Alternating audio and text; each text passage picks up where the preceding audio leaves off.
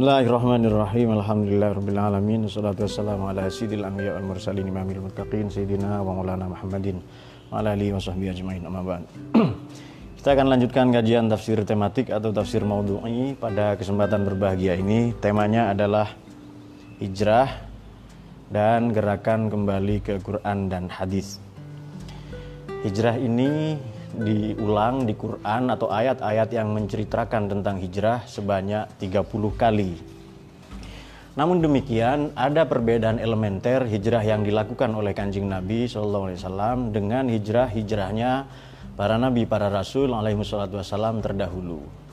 Di manakah perbedaan-perbedaan itu? Mari kita simak, mari kita ulas. Saudara, uh, sebenarnya sebelum sebelum hijrah ya, sebelum hijrah ke mana? Ke Yasrib atau ke Madinah.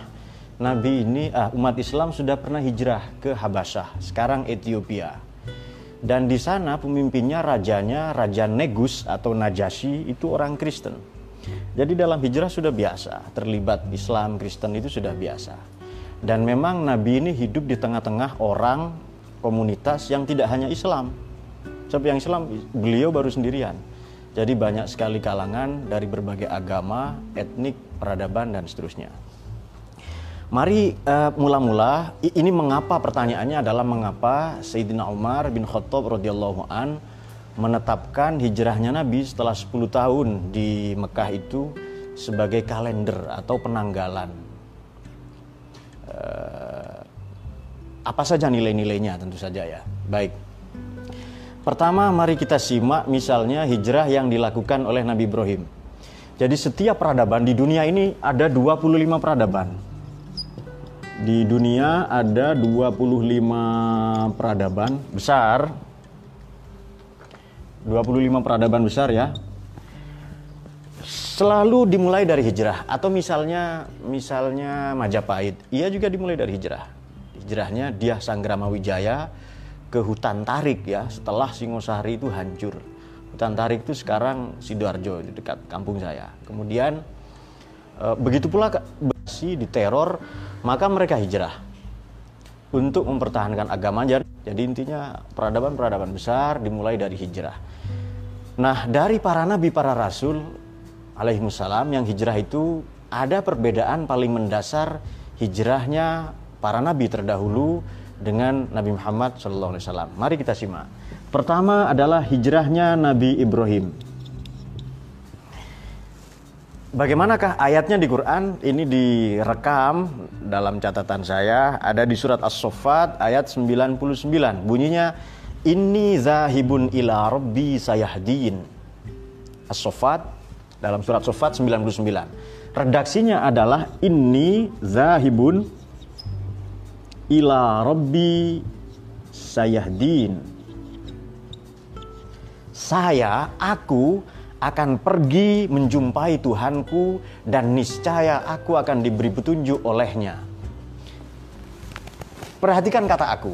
Jadi ini, perhatikan ini dan sayahdin. Aku akan hijrah mendatangi Tuhanku, Sofat 99 dan aku akan dapat petunjuk. Perhatikan kata aku ya. Kemudian uh, Nabi Lut alaihissalam ini kaumnya tahu betul ya. Mana Margono tahu betul umatnya Nabi Lut disebut kaum kaum kaum Sadom. Kok pura-pura enggak tahu kalian itu. Kaum Sadom lah ya, mirip-mirip Sodomi atau apa Memang itu. Redaksinya untuk Nabi Lut alaihissalam hijrahnya ini surat Al-Ankabut ayat 26. Ini Ibrahim ya, Sofat 99. Kalau Nabi Lut Ankabut Ayat berapa tadi? Dua. Redaksinya bagaimana?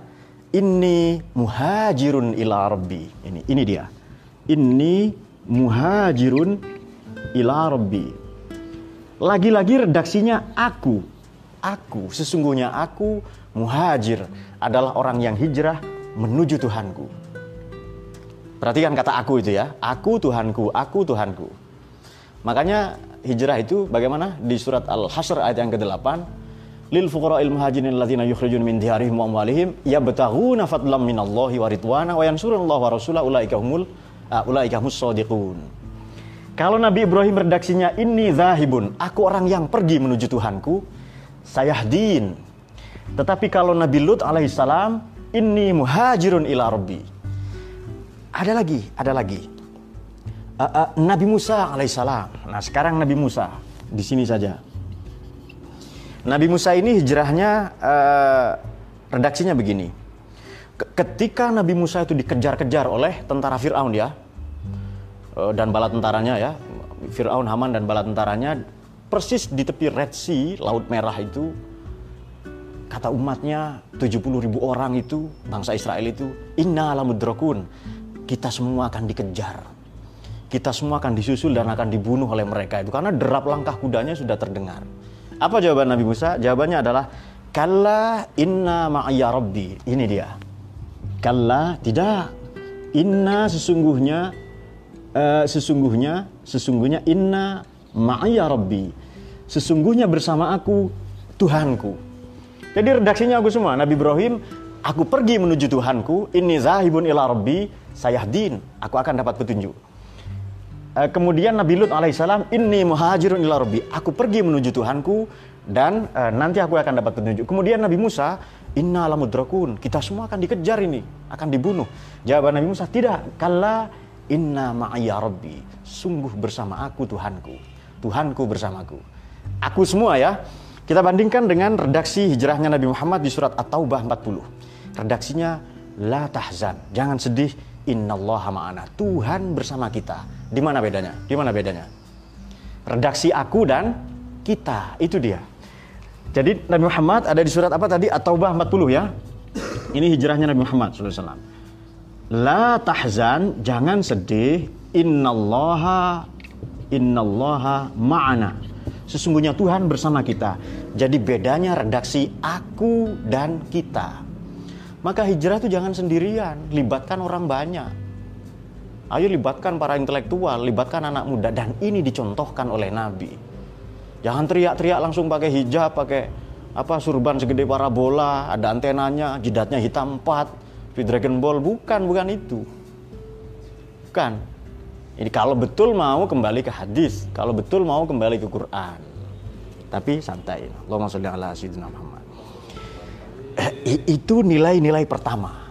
Mari kita telisik pada nilai-nilai kedua. Jadi begini, biasanya kanjeng Nabi tapi tiba-tiba di hari ini, di hari di mana Allah memerintahkan hijrah ini, Allah perintahkan, Allah perintahkan Nabi untuk datang siang hari. Maka Siti Aisyah itu kaget. Anha. Ini ini pasti ada sesuatu yang penting. Nabi datang, boleh nggak kita ngobrol berdua saja? Terus kata Siti Abu Bakar, Ya Rasulullah, wahai Nabi, kalau engkau berkenan, silahkan kau berbicara ke hadapan kami semua karena ini anak-anak saya. Belum nikah dengan Siti Aisyah, belum. Jadi Siti Aisyah, Asma, dan istrinya ya, istri Abu Bakar. Ini anak-anak saya, istri saya. Silahkan kalau engkau berkenan. Kalau tidak, eh, kami, eh, saya akan keluarkan dulu orang-orang ini sebentar. Oh iya, enggak apa-apa. Lalu Abu Bakar, nanti malam, eh, waktu itu panggilannya Abdullah bin Abi Quhafah. Belum belum ada julukan Abu Bakar. Malam ini kita hijrah, siapkan ya Terus kata Sayyidina Abu Bakar, ini saya punya unta dua. Silahkan pilih yang mana. Tidak, saya harus bayar. Nilainya apa? Kita berhenti di situ. Nilainya apa? Hijrah itu harus modal. Bukan cuma jidat hitam, tok bukan. Modal, modal. Supaya total hijrahnya itu. Tidak, saya bayar. Jadi hijrah ini prinsipnya adalah uh, ibtigha amin fadillah, berharap fadilah dari Tuhan, waridwana berharap ridhonya, wayan surun Allah Rasulullah membela Tuhan dan nabinya, baru nanti julukannya ulaika musodiqun itulah orang-orang yang concern. Kalau tidak cuma apa surban segede para bola tok. Laki-laki pakai daster. Motif polkadot ya pakai pakai gamis dan sebagainya. Ya tapi enggak apa-apa. Yang yang kurang baik adalah mereka yang pakai daster menuduh kita yang pakai batik itu tidak tidak baik seperti itu uh, itu nilainya ya, itu nilainya. Dan dan uh, sebelumnya tadi kita katakan bahwa Nabi Muhammad itu sudah hijrah, betul. Nabi Muhammad memang sudah hijrah. Ayat-ayat hijrah itu sudah ada sebelum itu. Jadi begini, mari kita simak hadis Nabi. Tadi kan dikatakan 30 kali di Quran, sudah beberapa kita sebutkan. La tahillu li muslimin ayyah juro, ini dia. Tidak dibenarkan dihalalkan bagi seorang muslim ayyah juro berhijrah akhohu fauqa salas hijrah ini maksudnya pergi meninggalkan saudaranya melebihi tiga hari. Ini maksudnya tidak bertegur sapa, tidak jual beli, ah tidak jual beli, ya ada pedagang jual beli online tok bukan. Tidak bertegur sapa, tidak bersalaman, hanya beda pilpres lalu dia apa benci tujuh turunan, bukan seperti itu. Hijrah itu bukan seperti itu. Jadi hijrah itu mula-mula pikirkan hijrah ini senada dengan taubat ya. Kalau taubat ini kembali ke, ke titik di mana Tuhan itu menciptakannya dengan baik, dengan suci, dengan bersih itu, kalau hijrah ini menuju yang baik, dari yang buruk menuju yang baik, atau dari yang baik menuju yang ke yang lebih baik. M makanya di Quran ini sudah ada perintah hijrah itu bahkan sejak ayat kedua turun. Kalau kita flashback ke belakang sedikit. Uh, ayat yang kedua ini para ulama berselisih pendapat. Ya ahli tafsir ya, Kok tahu? Ya saya, saya termasuk, maka saya tahu. Tapi saya santai. Saya keluarga Allah di dunia. Kenapa? Karena saya ahli Quran. Kalau keluarga Nabi, setiap yang bertakwa. Kullu taqiyin ahlun Nabi. Nah, jadi tidak tanggung-tanggung kita semua keluarganya Allah di dunia ini. Meskipun beberapa wajah kalian tidak diminati oleh calon mertua. Kalau Margono wajahnya ini dibenci oleh kampungnya. Bahkan dia terusir ya. Kalau tidak ada Margono, kampung aman. Dan itu terbukti. Baik. Ada yang katakan wahyu kedua itu al-muddassir, ada yang katakan wahyu kedua itu al-muzammil, ada yang katakan nun wal qalami wa turun. Redaksinya bunyinya begini, warujsa fahjur. Terhadap yang kotor-kotor itu hijrahlah. Ini perintah hijrah. Tapi belum pindah, belum pindah tempat. Yang kotor-kotor itu apa? Pola pikir yang lama. Anda jangan membayangkan bahwa pencerahan itu ada di Arab. Oh, untuk orang Indonesia pencerahan di Indonesia saya mau dapat pencerahan Pak. Di mana? Di Tibet. Datang ke sana. Langsung meriang, langsung pilek, alergi. Di sana di bawah 0 derajat kok. Jadi untuk orang Indonesia, pencerahannya di Indonesia. Santai saja. Untuk orang Arab ya pencerahannya mungkin di Arab. Untuk orang Cina ya pencerahannya di Cina. Jadi sebelum hijrah pindah tempat, pindah alamat, mula-mula pikirkan untuk pindah dari dari pola pikir lama menuju pola pikir baru. Kalau Anda seorang pencaci, pembenci, perengek, peratap di Indonesia, lalu Anda hijrah ke Arab dengan motif umroh misalnya, atau pindah ke Sudan dengan motif belajar, di sana akan tetap jadi pencaci, perengek, peratap. Ya kan? Ya bukan Sudan lah tetangganya dan sekitarnya. Misalnya, misalnya ada hal-hal seperti itu. Jadi perintah hijrah sudah ada pada ayat yang kedua, pada wahyu kedua. Ada lagi misalnya Muhammad kalau mereka mencaci makimu maka bersabarlah. Kalau dicaci maki merasa agamamu terancam itu bersabar bukan demo. Bukan demo berjilid-jilid bukan. Itu itu kata Quran ya. Nah, mari kita buktikan wasbir ala ma yaquluna wahjurhum hajaron jamila. Wasbir bersabarlah Muhammad alama ingatasi barang ya terhadap segala sesuatu kalau ngaji zaman dulu pakai begitu. Terhadap segala sesuatu ya kuluna yang mereka mencaci propaganda apalagi? E, mencaci propaganda kemudian disinformasi tsunami hoax tsunami juga. Wahjurhum hijrahlah hijron jamila. Hajaron jamila. Hijrahlah dengan elegan. Jadi kalau dicaci bersabar. Sekarang begini Islam agama yang tinggi betul ya langit lah. Bisa ndak Anda meludahi langit itu? Tidak bisa. Anda hanya akan meludahi muka Anda sendiri. Biarkan saja. Tapi agamanya harus dibela apa macam-macam. Dia motor masih kredit itu sok bela agama. Rumah masih ngontrak sok bela agama ya kan? Misalnya jomblo pula. Dia kan seharusnya memarket dirinya sendiri untuk laku kan? Ngapain memarket Islam? Betul nggak itu? Belum tentu ya Allah alam lah. Allahumma salli ala Sayyidina Muhammad. Jadi hijrah ini tidak harus keluar negeri.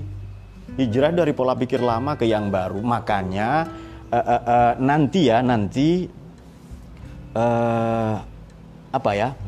Sudah Sayyidina Abu Bakar As-Siddiq ya kan? Tokoh agama tokoh masyarakat. Dua intelektual anak muda Sayyidina Ali. Cerita ini sangat populer ya kan?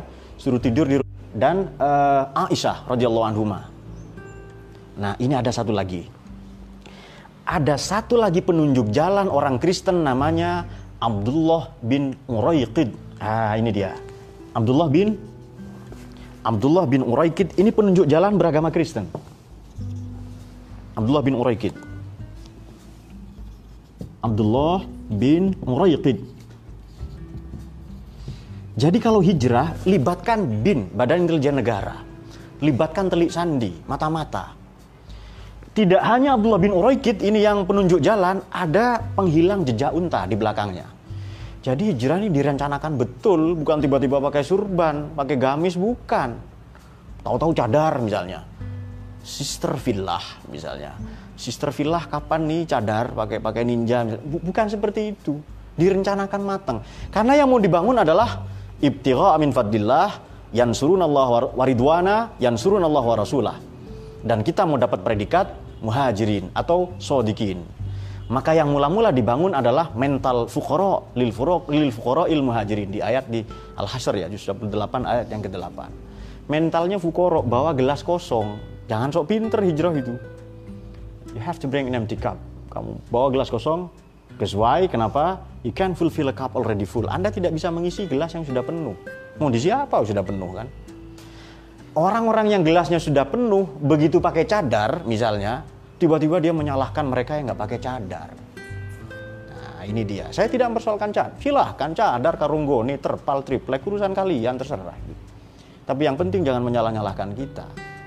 Lalu jargonnya kembali ke Quran hadis. Hello, Quran hadis yang mana? Nah, itu dia. Nah, nanti kita teruskan sedikit ya. Eh, kemudian kemudian Nabi mengganti Yasrib. Yasrib ini maknanya kalau anda cari ya, kalau anda buka di kamus-kamus yang keren, yang Qaisluwo itu yang keren lah itu ya, Sanul Arab ya. Bukan, bukan kamus tiga ribuan yang beli di jalanan, bukan. Lalu anda merasa ngerti Quran, bukan. Yasrib ini maknanya mencaci, mencerca, mengkritik. Maka begitu Nabi hijrah, meskipun Yasrib nama orang ya, nama cucunya Nabi Lut ya, uh, Nabi Nabi Nuh alaihissalam. Nabi Lut ingat kaum Sadum ya. Memang begini, nama-nama orang itu aneh-aneh zaman dulu. Abbas, Abbas ini orang yang selalu cemberut, bermuka masam. Bukan dibikin-bikin, memang bermuka masam. Seperti Margono lah itu ya. Mukanya tidak ilmiah, un atau non scientific face. Mukanya tidak ilmiah, MTI. Muka tidak ilmiah. Uh, tapi tidak apa-apa, harus sudah belajar di pesantren dia nanti ilmiah. Eh, mencemooh, mencaci, mengkritik itu Yasrib. Makanya diganti nanti, diganti Madinah, kota atau tempat peradaban. Kemudian sistemnya itu tamadun, orangnya disebut mutamaddin. Nah, maka disebut Al-Madinatul Munawwaroh, Madinah yang dicahayai, disinari atau mendapatkan illumination. Nah, supaya beda ngaji dengan filosof lah sedikit ya. Madinah yang mendapatkan illumination, pencerahan. Nggak wajib tahu bahasa seperti itu, nggak wajib itu. Uh, Yasrib ini memang nama orang. Yasrib bin Lauz bin Amliq bin Syam bin Nuh. Begitu pula julukan dari mbahnya Nabi yang ke-11 namanya Kures. Kures nama aslinya Fihir, dipanggil Kures karena dia ahli di bidang kurs. Kurs ini ekonomi. Kurois. Begitu pula mbahnya Nabi Kusoi misalnya. Hamad bin Abdullah bin Abdul bin Hashim bin Abdul Manaf bin Kusoi. Kusoi ini nama aslinya Mujammi. Baca Barzanji. Kita baca di pesantren itu. Ismuhu Mujammi. Nama aslinya Mujammi. Sumiyah bi Kusoyin dikasih nama Kusoi litaqosihi. Kan sering berpetualang. Ila kedoatil kosiyah. Di negeri yang jauh-jauh. Makanya Nabi itu hijrah umur 9 tahun beliau itu sudah ikut melancong. Dagang dagang internasional lintas negara. Kalian kan belum pakai celana umur 9 tahun belum. Ya uh, seperti itu kira-kira. Jadi libat Nabi melibatkan orang Kristen orang kafir non, non muslim ya penunjuk jalan namanya Abdullah bin Uraiqid Nabi libatkan satu orang lagi penghapus jejak unta Kenapa? Kalau hijrah ini sudah karena Allah nanti ada ayat Quran ini agak menggembirakan ya. Saya temukan wa anzalallahu sakinatahu. Allah menurunkan ketenangan baginya. Kemudian wa ayyadahu dan Allah menguatkan hu pada Kanjeng Nabi bijunudihi lam yarauha dengan tentara-tentara yang tak terlihat. Apa maknanya ini? Malaikat boleh saja ya? Malaikat. Dalam kasus Nabi laba-laba, burung merpati, mental yang kuat itu junudun junudullah ya lam taroha makanya nanti di surat al-fatah itu ya walillahi junudus samawati wal ard. Allah itu punya tentara bala tentara di langit dan bumi. Kalau baca kisah-kisah perang nabi apa bagaimana itu? Wal jundu hina ghaza Muhammad. Bagaimana itu? Minhum malaikatun tasawwam, ya kan? Dan tentara-tentara yang terlibat dalam peperangan kanjeng Nabi itu, minhum sebagian dari mereka, min litaba'id ya. Yang sosok hijrah biasanya nggak ngerti nahu-nahu begini. Minhum malaikatun tasawwam. Sebagian dari mereka adalah malaikat-malaikat yang turun berangsur-angsur ke bumi itu. Nah, itu kalau hijrahnya betul bersama bersama Nabi. Oleh karena itu, kemudian kemudian uh, uh, uh, tadi dikatakan 25 peradaban berangkat dari hijrah. Begitu Nabi sampai di Madinah untuk membangun peradaban, Nabi mempersatukan dua klan, dua parpol, muhajirin dan ansor. Lalu Nabi bikin wasiqah. Di banyak buku sejarah, seperti Surah Nabawi, di sini ada bukunya. Bukan wasiqah, tapi wasaiq. Wasiqahnya banyak, MOU-nya banyak. Uh, Bismillahirrahmanirrahim. Hadza kitab Muhammad An-Nabi al muslimuna min Quraisy wal muslimuna min Yasrib wal Yahud awan tabi'ahum wa bihim wa jahada ma'hum innahum ummatun wahidah. Itu ada di Sirah Nabawi. Juz, yang, yang versi versi Ibnu Hisam ya.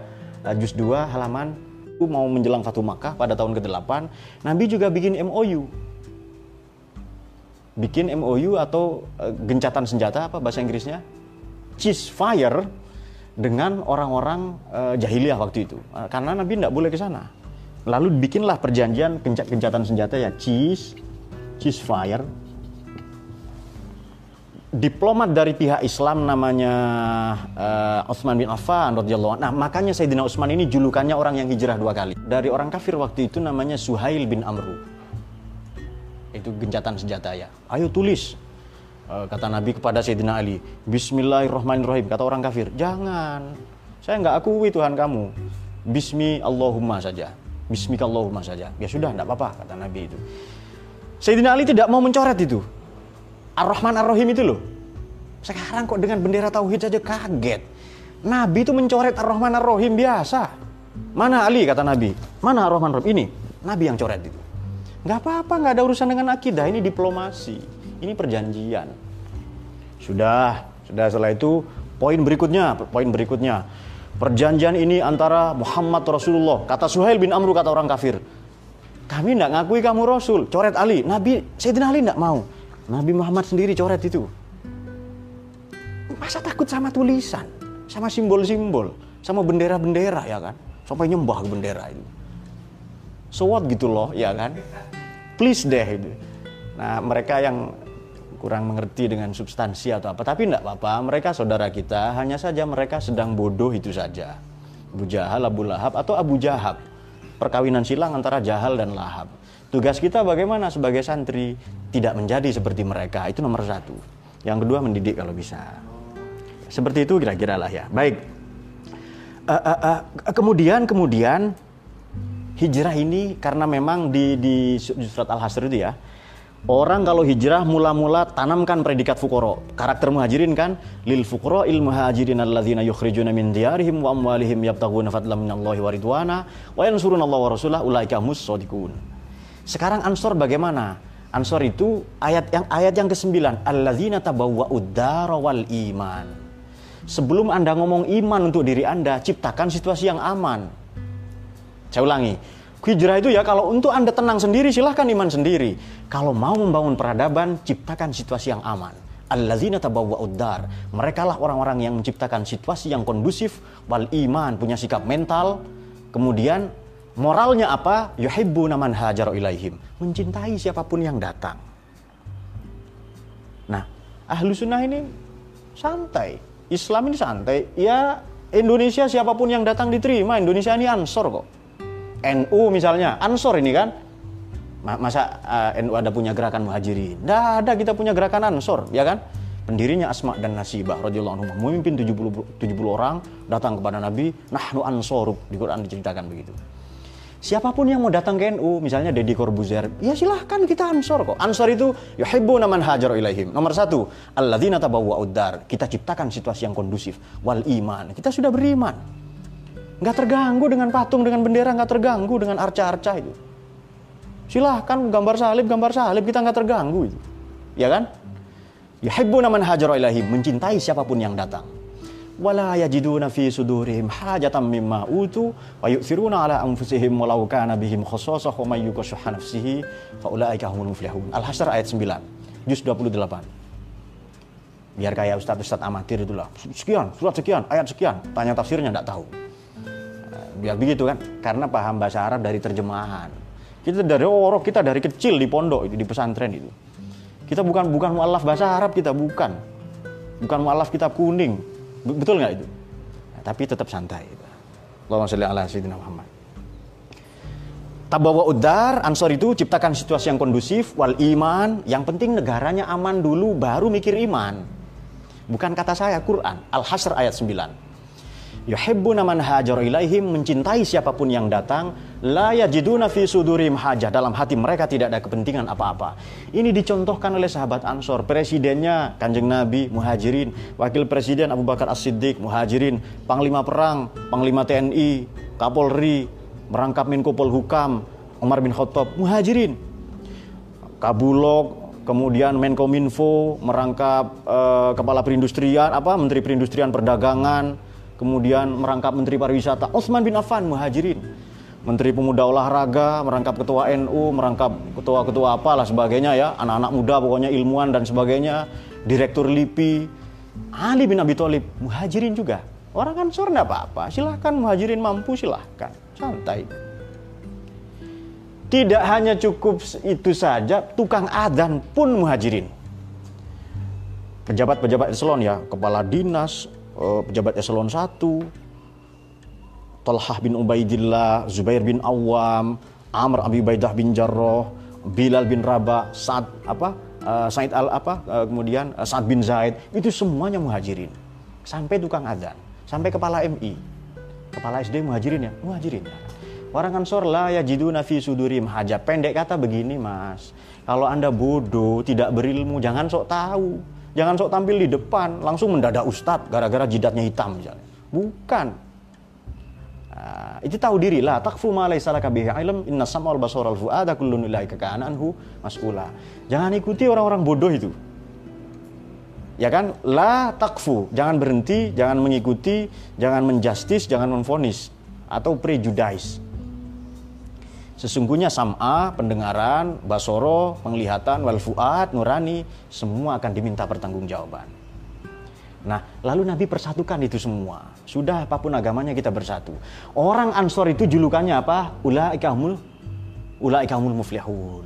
Mereka adalah orang-orang yang bahagia. Baik, sekarang bagaimana hijrah ini? Ini kan paket ya kan? Dagangan-dagangan agama itu sekarang tidak hanya hijrah, Sebelumnya, ayo kembali ke Quran dan hadis. Ayo kembali ke Quran, ayo kembali ke sunnah. Sunnah kalau ditanya, sunnah itu apa? Yang dia tahu cuma nikah sunnati. Kemudian Quran yang dia tahu apa? Kan andalan mereka begini ayatnya. Uh, ayo ikutilah apa Tuhan dan Nabi ya kan? Taatilah, atiullah wa atiur rasulullah amri minkum Wa intanazak fa intanazaktum fi syai'in kalau kamu berselisih paham tentang sesuatu faruddu ilallahi wa rasulih. Itu surat atau ayat andalan mereka. Tahunya itu toh. Ayo kembali ke Tuhan dan nabinya. Sekarang begini, kembali ke Tuhan dan nabi bisa kah? Kembali ke Quran bisa menurut Anda? Untuk membaca Quran saja kita perlu perangkat namanya ilmu tajwid, betul? Apa ada ayat, misalnya bunyi ayat begini, apabila nun mati atau tanwin ketemu huruf hijaiyah, hukum bacaannya lima. Apa ada hadis dari Nabi? Ya, silahkan cari di buku hadis ya. Buku hadis itu kan banyak. Ada yang sahih, jami', sunan, ada musnad, ada mu'jam. Cari itu di Bukhari, Muslim, Turmudi, Nasai, Ibnu Majah, Daruqutni, Ahmad, Abu Dawud, Ad-Dailami, atau Broni. Cari semua itu apa ada nun mati atau tanwin. Kalau ketemu huruf hijaiyah, hukum bacaannya lima. Izhar, idgham, iklab, ikhfa. Masa ada di hadis begitu? Tidak ada. Bayangkan baru level ilmu baca Quran saja tidak ada di Quran. Caranya baca Quran tidak ada di Quran. Caranya baca Quran tidak ada di hadis. Adanya di mana? Di ilmu tajwid. Imam Abi Ubaidah Qasim bin Salam yang wafat tahun 24 Hijriah, 224 Hijriah. Abu Ubaid Qasim bin Salam At-Tilimsani, Tilimsani dari Algeria, dari Aljazair itu ya. Ya nggak apa-apa, nggak tahu itu nggak apa-apa santai dia. Uh, itu itu yang menemukan ilmu tajwid itu bukan Sayyidina Ali bukan Nabi lalu sok kembali ke Quran dan hadis ternyata yang dimaksud Quran terjemahan, hadis terjemahan. Uh, mari mari mari kita buktikan begini. Bahwa ayat Quran ini rumit sekali ya. Saya kasih contoh begini saja. Tuh, tangan Tuhan berada di atas tangan mereka. Itu ada di surat Al-Fatah. Yadullahi faqa aydihim faman nakas fa innama yankusu ala nafsihi wa man awfa bima ahada alaihi Allah fasayutihi ajran azima. Lalu Tuhan punya tangan kanan.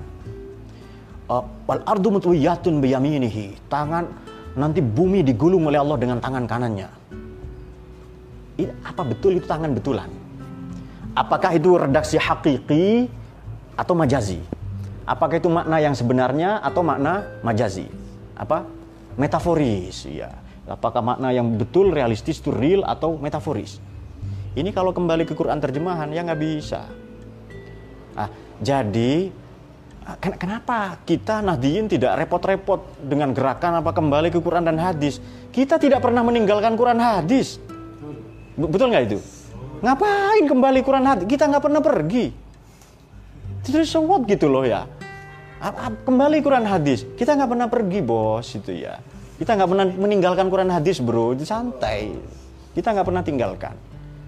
Eh, terus ayo kembali Quran. Ya ayo. Kembali kembali aja. Santai itu. Ah, dan Quran itu ada makna ibarat ada makna tekstual diksi. Ada makna isyarat indiksi kontekstual. Ada makna lataif software piranti-piranti. Jadi tidak tidak satu grid. Yang terakhir hakaik substansi makna-makna essence makanya nanti ada ulama ya namanya yang ngarang tafsir Jalalain, Imam Jaluddin Asyuyuti. Kata beliau, Quran itu punya makna 72 ribu makna. Lahu zohrun babatnun, punya makna zohir, punya makna batin.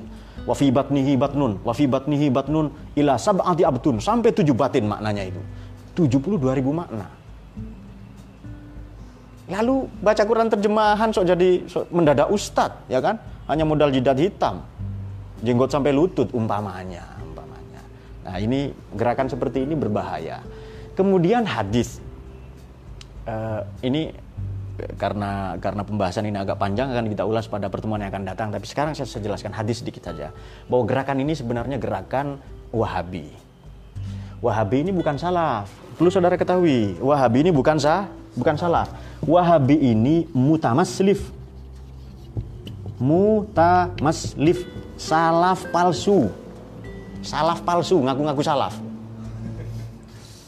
Tidak ngerti tajwid, tidak ngerti hadis, nggak ngerti itu semua. Apalagi mustalul hadis, apalagi ilmu ma'ani bayan badi, mengharamkan belajar mantik. Bagaimana bisa paham Quran? Jadi mutamaslif, salaf palsu yang sok salaf. Kalau kita tidak ikut mereka, seolah-olah kita menolak Islam. Ini kan propaganda, propaganda maksudnya. Ini kan propaganda kan. Berbahaya sekali gerakan ini sok kembali ke Quran hadis tapi isinya empat. Tas satu takfiri, gampang mengkafir-kafirkan ya kan? Bukan tradisi Nabi. Tabdi'i gampang membid'ah-bid'ahkan. Nabi sholat di depannya ada patung biasa aja, ada arca itu. Baru Fatu Makkah nanti. Tiga bulan menjelang beliau meninggal baru dibongkar semua itu. Lalu tasyriki gampang mensyirik-syirikan. Lalu taskik gampang apa melakukan propaganda, menanamkan keraguan-raguan. Pokoknya kalau ada empat gerakan 4T ini, takfir, tabdi, tasyrik, tashkik, ia musuh agama, musuh negara. Harus kita lawan. Dia merongrong Pancasila. Ya kan? Uh, tujuan mereka jelas itu siapa? Sasaran mereka siapa?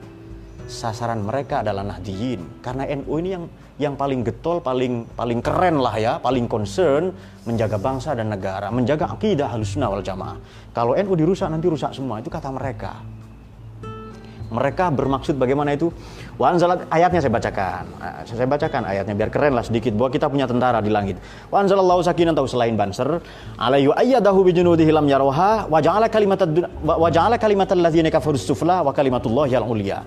Mereka ber, bermaksud menjadikan kalimat apa kalimatul ladzina kafaru ide-idenya ide-idenya mereka yang membenci itu ya uh, akan ditabrakkan dengan kalimatullah, ide-idenya Tuhan. Tuhan maunya agama ini terang, benderang, tapi mereka mau memadamkan. Nah, meskipun mereka mereka tidak uh, tidak mengetahuinya. Nah, oleh karena itu, nah sekarang hadis. Kita simpel sajalah, hadis itu apa sih? Kalau Quran tadi maknanya kalau ada tambahan an, ini artinya sempurna. Quran, koroa, bayangkan di koroa saja itu terjemahan depak sudah salah. Koroa ini bukan membaca, artinya mengikuti. Makna kamusnya ya.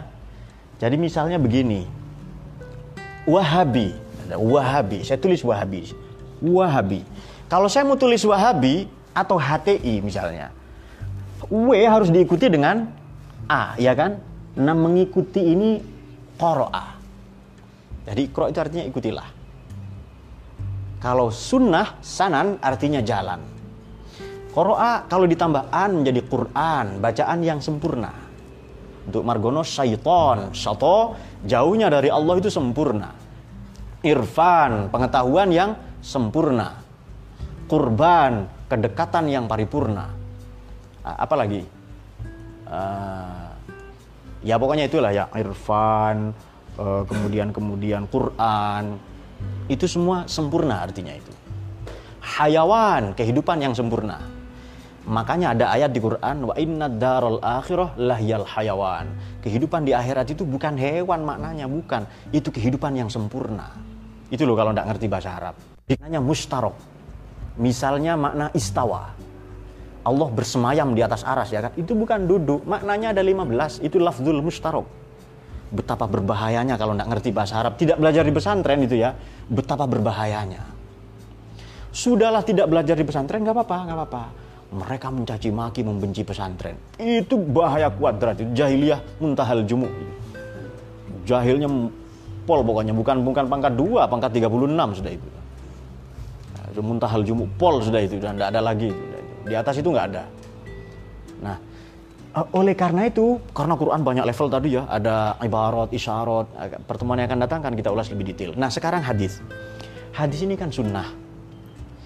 Kita ambil tidak semua hadis, tidak semua sunnah Nabi harus Anda ikuti.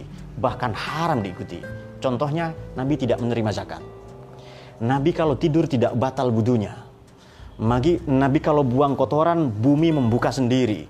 Lalu begitu selesai menutup dan keluar aroma wangi bersih sendiri. Itu kata Imam Al-Qostolani. Itu ketua DPR nggak bisa itu.